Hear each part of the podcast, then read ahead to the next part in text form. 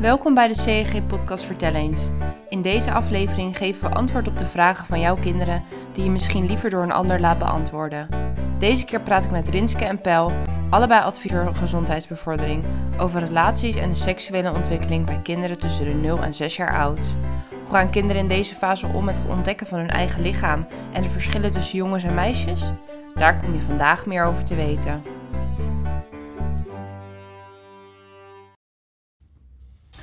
Hallo en welkom bij een nieuwe aflevering van de podcast Vertel eens. In deze aflevering praten we over relaties en seksuele ontwikkeling bij kinderen van 0 tot 6 jaar oud. Ik zit hier vandaag aan tafel met Rinske en Pel. Beiden zijn werkzaam bij de GGD, onderdeel van HECHT, als adviseur gezondheidsbevordering. Rinske en Pel, welkom. Kunnen jullie je voorstellen en wat meer over jullie zelf vertellen? Ja, dankjewel Rosalie. Um, ja, ik ben dus Rinske. Uh, ik werk uh, bij GGD Hollands Midden uh, voor ja, adviseur gezondheid, gezondheidsbevordering voor de kinderen. Dan specifiek 0 tot 18 jaar. Op allerlei verschillende thema's. denk aan voeding, denk aan sport, welbevinden, maar ook dus relaties en seksualiteit. Dus vandaar dat ik hier ben, samen met mijn collega Pel. Ja, ik ben Pel van Natten. Ik werk al heel lang bij de GGD. Ik ben naast adviseur gezondheidsbevordering ook vader. Dus ik heb ook wel vragen te stellen, zelfs achteraf nog.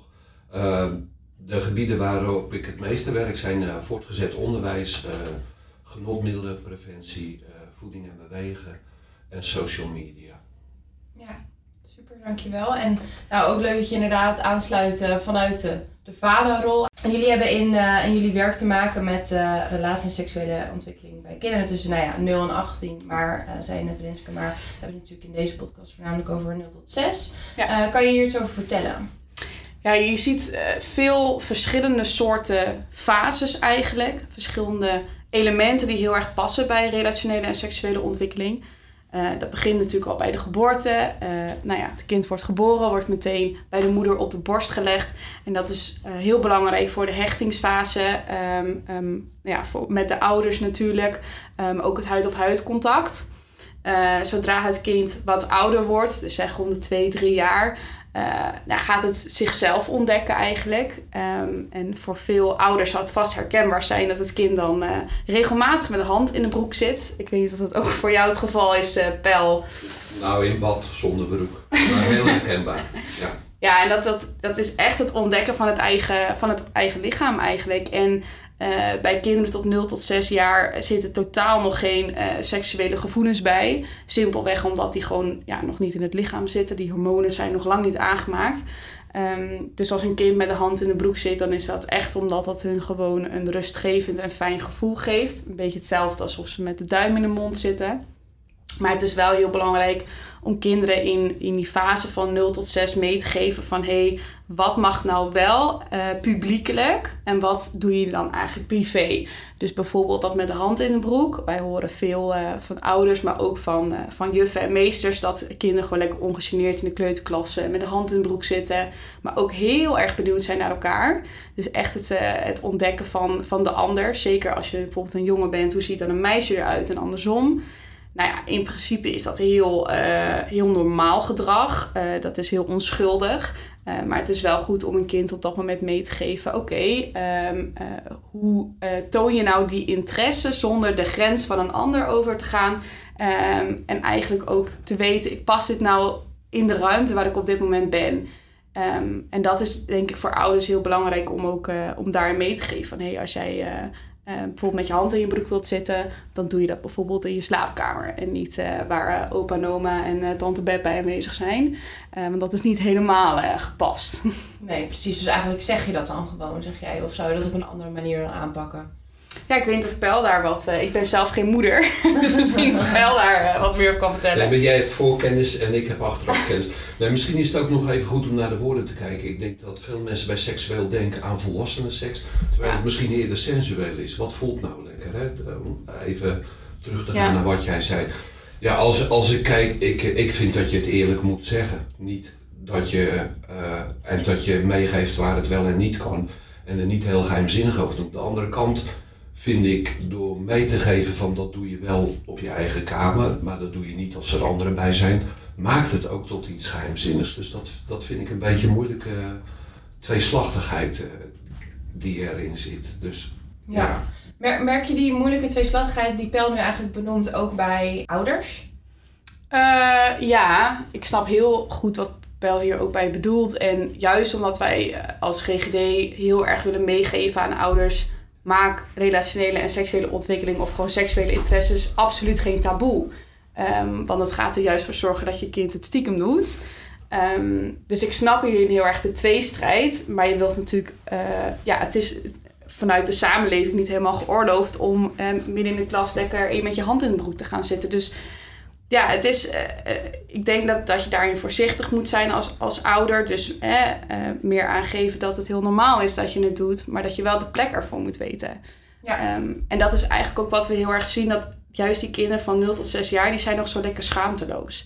Die, eh, die weten ook nog allemaal niet dat, eh, nou ja, dat het dus niet de bedoeling is dat je dus zoiets doet midden in de klas. Ehm, maar op een gegeven moment, omdat wij dus als ouder, maar ook als, als juf of meesters gaan meegeven dat het dus niet helemaal gepast is op bepaalde plekken, gaan ze het dus ook wat meer stiekem doen. En dat zien we ook heel veel bij kinderen tussen 6 en 9. Als ze dan een beetje die regels geleerd hebben, ehm, ja, dan gaan ze stiekem buiten de bosjes bij elkaar in de broek kijken. Terwijl ze dat in klas 1 nog lekker eh, bij de juf eh, voor de neus deden. Ehm, dus ja, er zit een tweestrijd in, absoluut. Nou, je kan het ook eh, relateren aan eh, hele gewone dingen zoals je neus ophalen of zo. Of eh, snuiten op de grond of spugen of dat soort dingen. Die doe je natuurlijk, dat doe je natuurlijk ook niet waar anderen bij zijn. In die zin moet je het misschien ook weer niet heel bijzonder maken. Nee. En het gewoon zo benoemen zoals jij het zegt. Soms kan het wel, het hangt er vanaf wie erbij is en waar het is. En daar duidelijk in zijn, dat kan helemaal geen kwaad. Eh, ze moeten er geen valse schaamte voor krijgen. Nee, zeker. Je, je moet niet heel, eh, als ouder heel opgewonden gaan reageren op iets wat in feite lichamelijk en sensueel heel normaal is. Ja, maar en precies wat jij zegt, ik denk juist daar zo eh, ja, lichtjes over doen, maar zo te zeggen. Dus gewoon zeggen van joh, dat doe je even lekker in je slaapkamer, punt. En niet een hele bombardie gesprek omheen gaan hangen. Eh, want wat, je zegt voor de kinderen is het gewoon heel normaal. Die hebben geen idee eh, nou ja, dat daar van alles omheen hangt. Voor ons als volwassenen. En, want nogmaals, die kinderen die hebben die gevoelens niet. En daarom juist als volwassene kan je er wel eens zwaar aan gaan tillen. Eh, terwijl het voor hun heel normaal is om te doen. Ik, ik reageer ook op dat woord seksuele ontwikkeling. Ik denk dat dat voor heel veel ouders denken van, oeh, waar gaat dit over? En dat dat het zwaar maakt, terwijl het een gevoelsmatige ontwikkeling is bij 0 tot 6. Ja. Die gewoon heel prima is. Dus daar moet je ook niet, moet je zeggen, kom, we gaan zitten en nu gaan we het er eens even heel serieus over hebben. Dat kun je gewoon in de loop zeggen, denk ik. Eh, dit wel als er andere mensen bij zijn, dat niet als er andere mensen bij zijn. Als je maar duidelijk bent. En toevallig hebben we een andere podcast voor eh, relatie en seksuele ontwikkeling van 12 plus. En daar ook over gehad. En dat er bij heel veel ouders ook nog een soort van geladenheid heerst. Dat, dat je aan de keukentafel moet gaan zitten en het er Ja. dan over moet hebben in plaats van Ja. tussendoor. Nou, Pel heeft daar een hele goede tip voor. Nou, weet je, je hebt ditzelfde probleem heb je natuurlijk met genotmiddelen. En dan kun je er wel wekelijks op vrijdagmiddag een sessie van maken. Eh, maar daarmee wordt het zwaar. Eh, eh, en je adviseert altijd praten met je kinderen, of het dan kleine kinderen zijn of pubers. De vraag is of zij altijd zoveel en zo lang willen praten. En of je daarmee niet een onnodige nadruk eh, legt. Ja, ik weet wat jij bedoelt, Rinske. Jij bedoelt dat ik het liefst in de auto Ja, sta. ja, ja. Met, eh, Weet je, als je aan de keukentafel zit en het zijn pubers, kunnen ze kwaad weglopen. Als je in de auto zit met 80 km per uur, dan valt dat niet helemaal mee. Dus je moet, dat is misschien niet helemaal eer, maar je moet de tijd en de plaats echt wel kiezen, de rust kiezen, dat niet in opgewondenheid doen. Ga ik er echt voor zitten of zeg ik het gewoon in de loop? Nou, in dit geval het laatste. Dus daar, daar, daar kan je echt van tevoren over nadenken. En niet op het moment zelf aan laten komen van, oh, oh, oh, nu schrik ik ergens van of ik weet niet goed hoe ik het moet plaatsen. En nu ga ik er meteen voor zitten. Neem even de tijd. Bedenk Ja. het van tevoren. Praat veel lekkerder, veel minder beladen. Ja. Ja, want waar ik nog wel heel even benieuwd naar ben eigenlijk, Rinske. Want jij had net over nou 0 tot 6. eh, is eigenlijk gewoon het lichaam ontdekken en nog niet per se seksualiteit. Maar misschien is voor ouders wel handig om te weten wanneer komt wel ongeveer die seksualiteit. Eh, ja. Nou ja, laten we vooropstellen dat is bij ieder kind natuurlijk verschillend.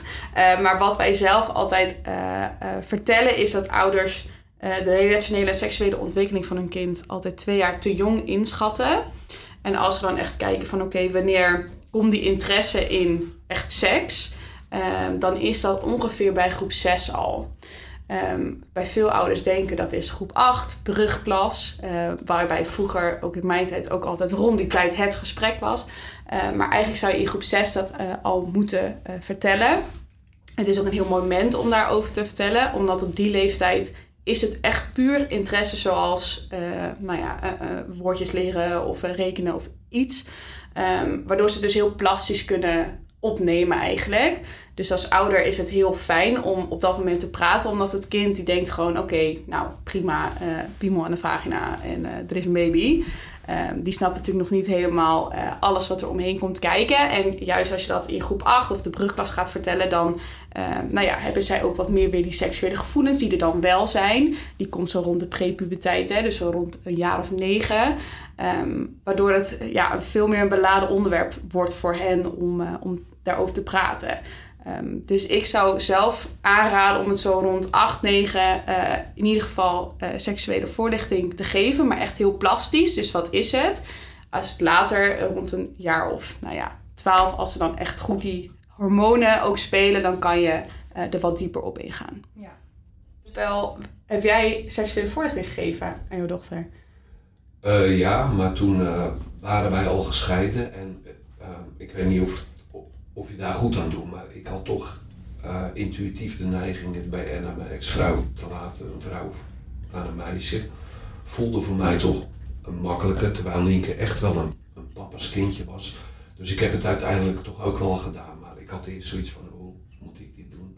Mm. En het antwoord is, ja, dat moet je doen. Met 80 km per uur in Nee, nee, nee, maar het, dat is misschien ook niet helemaal een goed voorbeeld. Weet je wat daar ook in speelt in dat voorbeeld? is dat je het gesprek af kunt maken en niet elkaar heel erg confronterend aan zitten kijken. Omdat als ouder heb je toch uh, de zeggenschap en de macht en moet je oppassen niet intimiderend te zijn in wat je zegt en preekt. En als je elkaar recht aankijkt, is dat veel meer het geval dan wanneer je een beetje naast elkaar loopt of zit of zo. Dus het is niet alleen de grap van hey, je kan niet weglopen bij 80 km per uur, maar ook de manier waarop je waarop je met je kind praat. Je kan natuurlijk wel indringend praten, indringend kijken, maar dat draagt niet zoveel uh, bij. Dus ik heb, ik heb dat wel gedaan. Ik, ik vond het wel moeilijk. Uh, ja, dat snap ik. Ik heb eigenlijk nog even een vraag uh, tussendoor. Voordat ik, ik heb hier een, een, lijst aan stellingen, daar wil ik zo even op, op terugkomen. Tussen 0 en 6 kan ik me voorstellen dat kinderen vragen kunnen hebben over bepaalde zaken, waar ze steeds meer achter komen natuurlijk. Um, wat voor soort vragen kunnen er komen en hoe zou je als ouder daar antwoord op kunnen geven? Nou, je kan zeker de vraag verwachten: waar komen baby's vandaan of waar komen kindjes vandaan? Um, uh, in de kleuterklas zie je toch wel vaak dat uh, nou ja, de ouders bijvoorbeeld nog een kindje krijgen, of dat in ieder geval een vriendje of vriendinnetje, een broertje of zusje krijgt. Um, dus die vraag uh, gaat spelen. Um, wij zeggen ook eigenlijk altijd dat je heel goed aan kinderen van die leeftijd kan uitleggen wat er gebeurt. Dus je kan gewoon zeggen van nou, mama heeft een eitje, papa heeft een zaadje. Die komen bij elkaar doordat ze naakt op elkaar gaan liggen. Uh, en dan krijgt groeit er een baby in de buik van mama. Um, die kinderen gaan echt absoluut niet begrijpen hoe dat precies in elkaar steekt. Uh, we horen ook vaak dat kinderen op dat moment, uh, als ze horen mama heeft een eitje, dan denken ze ook echt letterlijk aan een kippen-ei. Dus die denken, oh dat zit al in mama's buik. En daar komt dan een soort van, nou ja, baby in die ei. En dan nou, hebben ze geen idee van. Maar goed, dat is ook weer mooi, die onschuldigheid die ze nog hebben. Um, dus dat is, dat is zeker wat je voorbij ziet komen. Um, misschien niet per se een vraag, maar wat je ook wel heel erg hoort, is dat ze in de vieze woordenfase komen. Uh, dus poep, plas, pies. Uh, um, mijn neefje zei laatst ook het woord neuken. Dat komt ook gewoon wel eens langs. Um, ze ziet eigenlijk wat ik net vertelde. Ze weet op een gegeven moment dat bepaalde dingen rondom seksualiteit. dat dat wat meer privé is. Of dat dat in de samenleving toch nog wel als taboe wordt gezien. Waardoor ze ook weten dat dat soort woorden een bepaalde reactie uitlokt. Um, dus als zij bijvoorbeeld uh, pies en plas en poep zeggen, uh, dan zullen ouders waarschijnlijk zeggen van joh, niet doen, weet je wel, dat is nou, niet netjes. Terwijl, en een kind denkt dan, oh interessant, er komt een reactie. Ik vind, ik vind het leuk. dus die gaan juist heel erg ja, ja, dat, soort, dat soort dingen roepen. Um, mijn neefje begon dus de hele tijd neuken te zeggen. en die dacht natuurlijk, oh, ik, ik daag er lekker uit, ik ga door. ehm, nou, ik kan bij deze alvast zeggen, absoluut negeren. Als dat gebeurt, dat is het beste wat je kan doen. Ehm, maar dat, is, ja, dat, dat zien we heel veel bij deze, bij deze kinderen. Ehm, en wat we ook heel erg zien, is dat ze gewoon super erg gaan vasthouden aan hun eigen, eigen gender. Dus als je een jongen bent, uh, is meisjes zijn, uh, zijn raar, zijn lief, te lief. Stom. Stom, ja. Ik wil, ik wil met de auto's spelen, niet met de Barbies. De vraag is in hoeverre je dat natuurlijk als ouder, nou ja, iets mee wil doen. Wil je, wil je dat zo laten? Of, nou ja, dat ligt helemaal bij de normen en waarden van een gezin. Um, maar dat zie je ook heel veel. Je, je zegt heel veel dingen tegelijk voor mij. Veel dingen? Ja, nou als uh, zo, als, als, hoe oud is je neefje? Neefje Zes. Oké, okay. en die riep neuken. Ja, maar ja, er zit een heel verhaal achter waarom je ja, dat zei. Maar... Vast wel, maar dat zijn van die momenten waarop je als ouder denkt, wat doe ik dan? Ja. En negeren, wat jij noemt, dat is vaak de allermoeilijkste keuze die een ouder kan maken. Hè? Een schreeuwend kind in de supermarkt. Ik wil erop. En dan staan er tien mensen omheen die allemaal vinden dat je in moet grijpen. Dus negeren, negeren is moeilijk. Maar wat zeg je dan bij zo'n woord neuken? Ja, bij... Dat mag je thuis wel zeggen, maar niet op school? Nee, en bij neuken zou, zou ik ook wel op gaan. Kijk, poeplas ja. of pies is, ja. uh, is een ander verhaal. Ja. Um, ik weet toevallig, want mijn, mijn broer die, die belde mij dus op en die zei, Rins, wat, wat moet ik hier nou mee? Dus nou ja, ik zei tegen hem, ik zeg, joh, misschien moet je überhaupt eerst eens vragen wat hij denkt dat het zelf is. Um, nou, daar kwamen natuurlijk weer de meest fantastische verhalen uit. Ik, ik weet niet meer precies wat het was, maar absoluut niet wat het woord zelf inhoudt. Um, en dan, dan hè, vraag waar hij het ook gehoord heeft. Nou, uiteindelijk bleek dat groep 8 uh, seksuele voorlichting had gehad op school. En uh, die liep dat lekker te roepen uh, op, de, op het schoolplein. En Finn die hoorde dat. Dus die vond het natuurlijk rete interessant.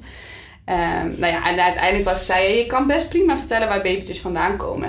Um, ik zou in dit, dit geval zou ik wel vertellen dat neuken niet per se een, uh, een geschikt woord is daarvoor. Maar ik kan prima uh, nou ja, vertellen over, nou ja, wat ik zei, het zaadje in het eicel, uh, wat het precies inhoudt. En 9 van de 10 keer, het gaat één oor in, andere oor uit. Um, ja, maar ook de, ook vraag, wat je ze dan mee? Mogen ze, zou je dan zeggen, zeg dat het op school niet mag, met thuis wel? Of zeg je dit woord? Zeg je helemaal nergens, want het is geen netjes woord. Wat, wat zeg je daar dan over tegen zo'n koter? Ja, ik, uh, ik zou zeggen dat dit ook alweer een beetje afhangt hoe jij er als ouder in staat. Um, maar als ik nu even vanuit mij persoonlijk reageer, ik zou hierop zeggen dat het een woord is waar, wat je niet thuis zegt en helemaal niet op school. Maar ik vind neuken zelf niet zo'n heel uh, keurig woord. Maar het is ook geen prettig woord op nee. een of andere manier. Het klinkt grof sowieso. Ja, het klinkt grof, ja. Dus ja, dan is het denk ik ook wat je als, als ouder zelf ook zou doen als een kind een ander woord zegt wat je niet prettig vindt. Ja, je gaat daarop reageren als ouder en zeg ik vind het niet fijn als je dit zegt. Het is ook wel leuk als je meerdere kinderen in een gezin hebt. Ik kan me herinneren dat mijn broertje onder de tafel vloeken lag te zingen. Die maakte daar een liedje van. en ik zag mijn vader en moeder kijken van, uh, wat doen we hier dan mee? En ik vond het geweldig, want ik wist dat het niet mocht. Dus voor mij was dat super leuk. Maar ik denk dat dat zingen van die, van die vloek eigenlijk precies hetzelfde is als, uh, nou ga ik eens lekker neuken zeggen en dan kijken wat, ze, wat, ja. wat de grote mensen daarvan zeggen. Dit, dit is wel een hele mooie tip die wij ook wel vaak aan ouders geven. Uh, als je kind dus heel erg in de vieze woordenfase zit, ja. um, zeg gewoon: we gaan één minuut lang alle woorden zeggen die jij nou ja, interessant vindt. Lekker vieze woorden. Ja, en dan is het echt: oké, okay, let's go. En dan nou ja, gaan ze helemaal, helemaal los natuurlijk. En daarna is de spanning er ook wel een beetje af. Voorafgaand aan de opname van deze podcast hebben we aan ouders gevraagd of er vragen spelen rondom dit thema. We hebben er een aantal uitgekozen welke we zullen bespreken. De eerste stelling die ik graag aan jullie wil voorleggen is deze. Met seksuele en relationele voorlichting leer je kinderen alles over seks. Nou, we hebben het natuurlijk net al een beetje over gehad, maar toch ben ik wel even benieuwd naar jullie reactie hierop. Ja, ik denk, uh, nou ja, het antwoord hierop is nee. Um, er valt heel veel onder seksuele en relationele voorlichting. Um, wat je zei, we hebben het net ook eigenlijk al verteld. Um, en ik denk dat dat ook veel ouders heel erg afschrikt. Als bijvoorbeeld een school zegt, hey, we gaan uh, uh, seksuele voorlichting geven. Nou, wij zeggen als GGD, dat moet al vanaf groep 1. Uh, dan wordt het dus gelijk gedacht, oh, meen je dit? Wordt het al vanaf groep 1 gedaan? Um, maar juist omdat ja, je kan seks in een, in een smalle definitie zien, dus seks. Uh, maar je kan het ook heel breed zien als gewoon wie ben ik eigenlijk? Wie, hoe ziet een ander eruit? Um, hoe ontwikkelt mijn lichaam zich? En dat ja, gaat eigenlijk je hele leven door ook. Uh, dus dat begint ook als je nog een kleutertje bent. Dus eigenlijk hetzelfde wat jij aan het begin van de podcast aangaf, Pel, is dat ook de benaming vaak al een bepaalde ja. uh, indruk geeft. Je zou bijna zeggen bij, bij 0 tot 6 sensuele voorlichting. Of het helemaal weglaten. Gezonde relaties waarvan gevoelens en lichamelijke gevoelens maken daar gewoon deel van uit. Maar goed, ook nu naar ouders die nu natuurlijk luisteren. Mocht je dus inderdaad zo'n mail of brief van school krijgen, schrik niet gelijk. Ja. Want het omvat veel meer dan ja, wat je misschien denkt. Ja, en als je echt denkt van, uh, vind ik heftig, uh, ga gewoon eens een keer naar de leerkracht toe en vraag gewoon eens, wat ga je mijn kind vertellen? Ze hebben, meestal gebruiken ze daar heel goed materiaal voor. Um, en dan kan je ook precies zien wat die lessen inhoudt. Um, en dan zie je dat dat heel anders is dan daadwerkelijk seks. Het zijn echt super mooie lessen. Ook over het aangeven van je grenzen, waar ze heel erg op zitten. En vind ik juist heel goed als dat al bij kleutertjes begint. Wat nu natuurlijk ook heel actueel is. Ja, uh... zeker. En uh, ja, dan, dan weet je ook gewoon als ouder wat je kind verteld wordt. Maar ook hoe je daar thuis weer nou ja, je eigen draai aan kan geven. Of juist ook uh, over door kan gaan. Waardoor dat wat misschien wat meer impact maakt op je kind. Ja, misschien nog een hele praktische tip voor ouders. Het is juist heel belangrijk dat kinderen nee uh, kunnen zeggen en weten wat hun grenzen zijn. Um, wat, wat je bijvoorbeeld als ouder zou kunnen doen, is als op een gegeven moment op een leeftijd zijn dat ze zichzelf kunnen afdrogen. Gewoon heel praktisch komen uit de douche, vraag. Uh, mag ik je afdrogen of wil je het zelf doen? Zodat het kind ook eens goed gaat nadenken van... hé, hey, wat vind ik eigenlijk fijn? Eh, vind ik het fijn nog om daar aangeraakt te worden of juist niet? Uh, en dat het dus actief leert om nee te zeggen. En Um, wat ik bijvoorbeeld heel veel uh, met mijn neefjes nu doe, is als ik bijvoorbeeld aankom of wegga, is gewoon vragen: hey, um, um, hoe wil je elkaar gedag zeggen? Mag ik je een knuffel geven? Of wil je een high five? Of wil je gewoon even helemaal niks? Nou, laatst zei mijn neefje: ik wil helemaal niks. Prima. Het is jouw lichaam, jij kiest uh, of jij mij een kus wilt geven. Dat ga ik niet als volwassene bepalen. Um, en misschien voor ouders is het wel interessant om daar ook een keer op te letten. Kijk eens wat familie doet, kijk eens wat vrienden doen. Uh, vaak zie je dat dat best wel opgedrongen wordt aan het kind. Uh, terwijl ik vind dat het kind zelf mag bepalen um, ja, hoe die aangeraakt wordt door een ander. Nou, jij zegt bij familie en ook buren, vrienden, bekenden, kom maar even lekker hier. Wil dat kind dat wel? Maar het is, er zit natuurlijk nog een moeilijkheid in. Je wil ze leren nee te zeggen. Maar bijna de enige bij wie ze geen nee mogen zeggen, dat zijn de ouders. dus als ouder moet je daar ook al let op zijn. Als jij wilt dat ze nee kunnen zeggen tegen willekeurige vreemden, moeten ze eigenlijk, of een, een, een niet-ouder moet ik zeggen, dan, dan moeten ze eigenlijk ook oefenen met jou als ouder. En, en, kies daar je momenten voor dat ze nee kunnen en mogen zeggen en niet altijd uh, je moet luisteren, gehoorzaam of wat die Ja, zeker. Dus als, als ouder ook, ze moeten ook met jou kunnen oefenen. Oké. Ik uh, heb hier een vraag staan van Willemijn. Uh, ik zie dat we het al wel deels hebben besproken, maar ik ga het toch weer even, even voorleggen. Mijn zoon van vier zit regelmatig met zijn hand aan zijn piemel. Dit doet hij niet alleen thuis, maar ook op school als er visite is of bij andere mensen thuis. Is dit normaal? Ik vind hem namelijk nog vrij jong om dit soort gedrag te, ver te vertonen. Ja, heel normaal gedrag. Uh, hij is niet vrij jong om dit gedrag te vertonen. Dit is echt de leeftijd waarop dit getoond wordt. Um, ja, en wat je zei, we hebben het daar eigenlijk over gehad. Dus uh, ik zou niet per se, uh, of ik zou helemaal niet boos worden op het gedrag wat vertoond wordt. Juist niet, want dan wordt het dus een ding. En dan wordt het een beetje zo'n taboe onderwerp. Je kan wel je kind een beetje bijsturen met in welke situatie dat wel en niet kan doen. Ik kreeg ook nog een uh, vraag van moeder Selna. Zij uh, vroeg aan ons: Mijn kind zit op turnen en de meisjes kleden allemaal gezamenlijk om in de kleedkamer. Opeens vinden de meiden dit niet meer normaal en staan ze in een rij voor de wc om daar privé om te kleden. Ik begrijp niet waar dit vandaan komt, want ze is nog maar zes. Voorheen was het ook nooit een probleem. Hoe kan dit? Ja, goede vraag. Um, heeft eigenlijk weer alles te maken met het leren van regels waar we het uh, over gehad hebben aan het begin van de podcast. Dus um, kinderen leren dat bepaalde uh, situaties of bepaalde delen van je lichaam wat meer privé is. Nou moet ik heel eerlijk zeggen dat ik zes best jong vind. Um, meestal zie je dit toch wel meer bij een jaar of acht, negen. dat uh, kinderen wat ja, apart bijvoorbeeld willen gaan omkleden omdat ze denken, ja, mijn lichaam is privé of zo en dat, dat moet alleen. Ehm, het kan bijvoorbeeld zijn dat uh, haar kind misschien op turnen zit met wat oudere kinderen. Ehm, en daardoor uh, nou ja, dat gedrag ziet bij andere kindjes en denkt: oh, oké, okay, blijkbaar is in deze sociale omgeving het heel normaal om, om privé om te kleden, dus dan moet ik dat ook doen. Um, ja, ik, hoe kan dit? Ja, dat is dus denk ik toch echt het, de social learning, zeg maar. Dus echt kijken naar anderen en, uh, en denken dat dat normaal is. En ik denk dat het ook hier weer aan jou als ouder is uh, hoe je daarop op moet reageren. Uh, laat je dat zo zitten of, uh, of zeg je, joh, doe niet zo gek en kleed gewoon lekker om bij andere mensen bij zijn. Maar dat, het, kan, het kan van de omgeving afhangen. Stel, er zit een, een turnvriendinnetje bij van negen die heeft die behoefte wel, wat past bij de fase. En dan wordt het een soort collectieve norm. Het is natuurlijk ook wel interessant of, of zij bij gym op school zich met elkaar omkleden. Of dat ze ook al allemaal apart gaan. Hè? Dat, dan zegt het iets over of het uit de omgeving komt, met turnen. En dat het op school nog wel normaal is. Ja, ik, ik, zou, ik zou dat gewoon laten gebeuren. Blijkbaar voelt zij zich comfortabel bij het feit dat ze zich aanpast aan de norm van de groep. Misschien zou je nog überhaupt kunnen vragen van, joh, uh, waarom kleed je alleen om? Waar komt het vandaan? Ja. Dat is misschien nog wel interessant. Maar inderdaad, als het kind zich daar prettiger bij voelt, ja. In die omgeving, ja. Dan is dat gewoon zo, ja, er is niks ergs om dat te doen ook. Ja, dat is misschien voor Selma ook wel een fijn antwoord. Dat ze gewoon weet van eigenlijk is het gewoon hartstikke normaal. Ja. En uh, wellicht is het een fase of... Uh, ja, precies, ja. ja.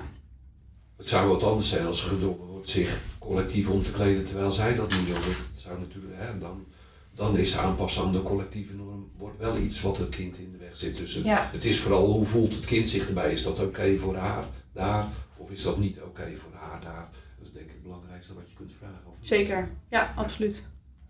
Oké, okay, dankjewel. Als laatste ben ik benieuwd naar jullie reactie op deze stelling. We hebben het ook al heel kort even over gehad, maar jongens zouden met jongens speelgoed moeten spelen en meisjes met meisjes speelgoed. Ja, de vraag. Als je het aan mij vraagt, niet. Maar uh, ja, dat is ook iets wat echt gezinsafhankelijk is. Um, dus ja, wat ik zei, eh, op een gegeven moment zien we dat kinderen daar zelf heel veel waarde aan gaan hechten. Uh, als ze een jaar of vijf zijn, weten ze hun eigen gender. Dus ze weten of ze een jongen zijn of een meisje, over het algemeen. Um, en daar gaan ze gewoon heel sterk aan vasthouden. Dus alles moet blauw zijn als je een jongen bent, alles moet roze zijn als je een meisje bent. Um, de vraag is als ouder of je daar iets mee wil doen. Um, als ik kijk naar mij persoonlijk, uh, zou ik het heel mooi vinden om uh, nou ja, jongens mee te geven. Dat het ook heel leuk kan zijn om met Barbies te spelen. Uh, um, of een ander speelgoed wat door de maatschappij als meisjesachtig wordt bestempeld. Um, maar je ziet ook op, op andere manieren dat ze zich gaan vasthouden aan het jong of het meisje zijn. Um, dus je ziet gewoon heel erg die, ja, die, die verdeling ontstaan. Um, en ik denk dat het gewoon een rol is als ouder uh, om, om daarin te kiezen wat je wilt. In het pijl of jij dit herkent bij jouw dochter, deze fase. Ja, maar je hebt 100% jongens en 100% meisjes. Hè, die dus kiezen, ik ben een jongen en ik ben alleen maar een jongen. Ik ben een meisje en ik ben alleen maar een meisje. Maar je hebt natuurlijk ook kinderen die, die best wel wisselen in dat. Als ik naar Nienke kijk, dan. Uh, ik weet dat zij voor de verjaardag kreeg ze van een vriendinnetje een soort Barbiepop. Er was best geld tegen aangegooid. Die pakt dat ding uit en zegt: Gadver, een Barbiepop. Dus, dus niet meisjesachtig, uh, snap je? Ik denk, oh, die mensen hebben hier aandacht en geld aan besteed, hoe repareren dit. Maar het feit dat zij niet met een pop wil spelen is toch prima? Ja. En, en zo zijn er meer dingen. Uh, uh, zij zat nooit achter op de bagagedrager, stond altijd op de bagagedrager. Dus dan zeiden andere mensen tegen mij, vrouw, jouw man en je, en je dochter zijn zeker bij het circus of zo. dus een aantal gedragingen die je jongensachtig zou kunnen noemen. En um, dus reagerend op het zinnetje, jongens moeten met jongens en meisjes moet, ik vind dat woord moeten, daar, dat, dat vind ik het kwalijke eigenlijk in. Jongens moeten, jongens, meisjes moeten. Het past bij het kind of niet. En dan is er ook nog de druk van buitenaf dat jongens vinden dat je geen meisjesdingen doet. Nou oké, okay, daar, daar kan je buiten de deur vaak niet zo heel veel aan doen, tenzij het echt ziekelijk wordt. Maar binnen de deur kun je altijd zeggen, joh, als jij eens een keer uh, lekker een meisjesding wil doen als jongetje, wat dan ook meisjesdingen zijn, ga lekker gaan. Precies. Ja. Laat gaan. Oké, eh, nou Rinske en Pel, bedankt voor dit informatieve en leuke gesprek. Uh, is er afsluitend nog iets wat jullie aan ouders kwijt willen? Nou, wat ik nog wel graag wil meegeven is dat ik wel vaak hoor van ouders: uh, hoe ga ik nou zo'n gesprek aan? Um, dus hoe praat ik over dit onderwerp? Heb je daar tips over? Um, nou ja, ik, ik, wat ik in ieder geval wil meegeven is: ga je, laat jezelf goed informeren. Um, dus bedankt dat je naar deze podcast luistert. um, maar zoek ook uh, ga, zoek eens betrouwbare websites op.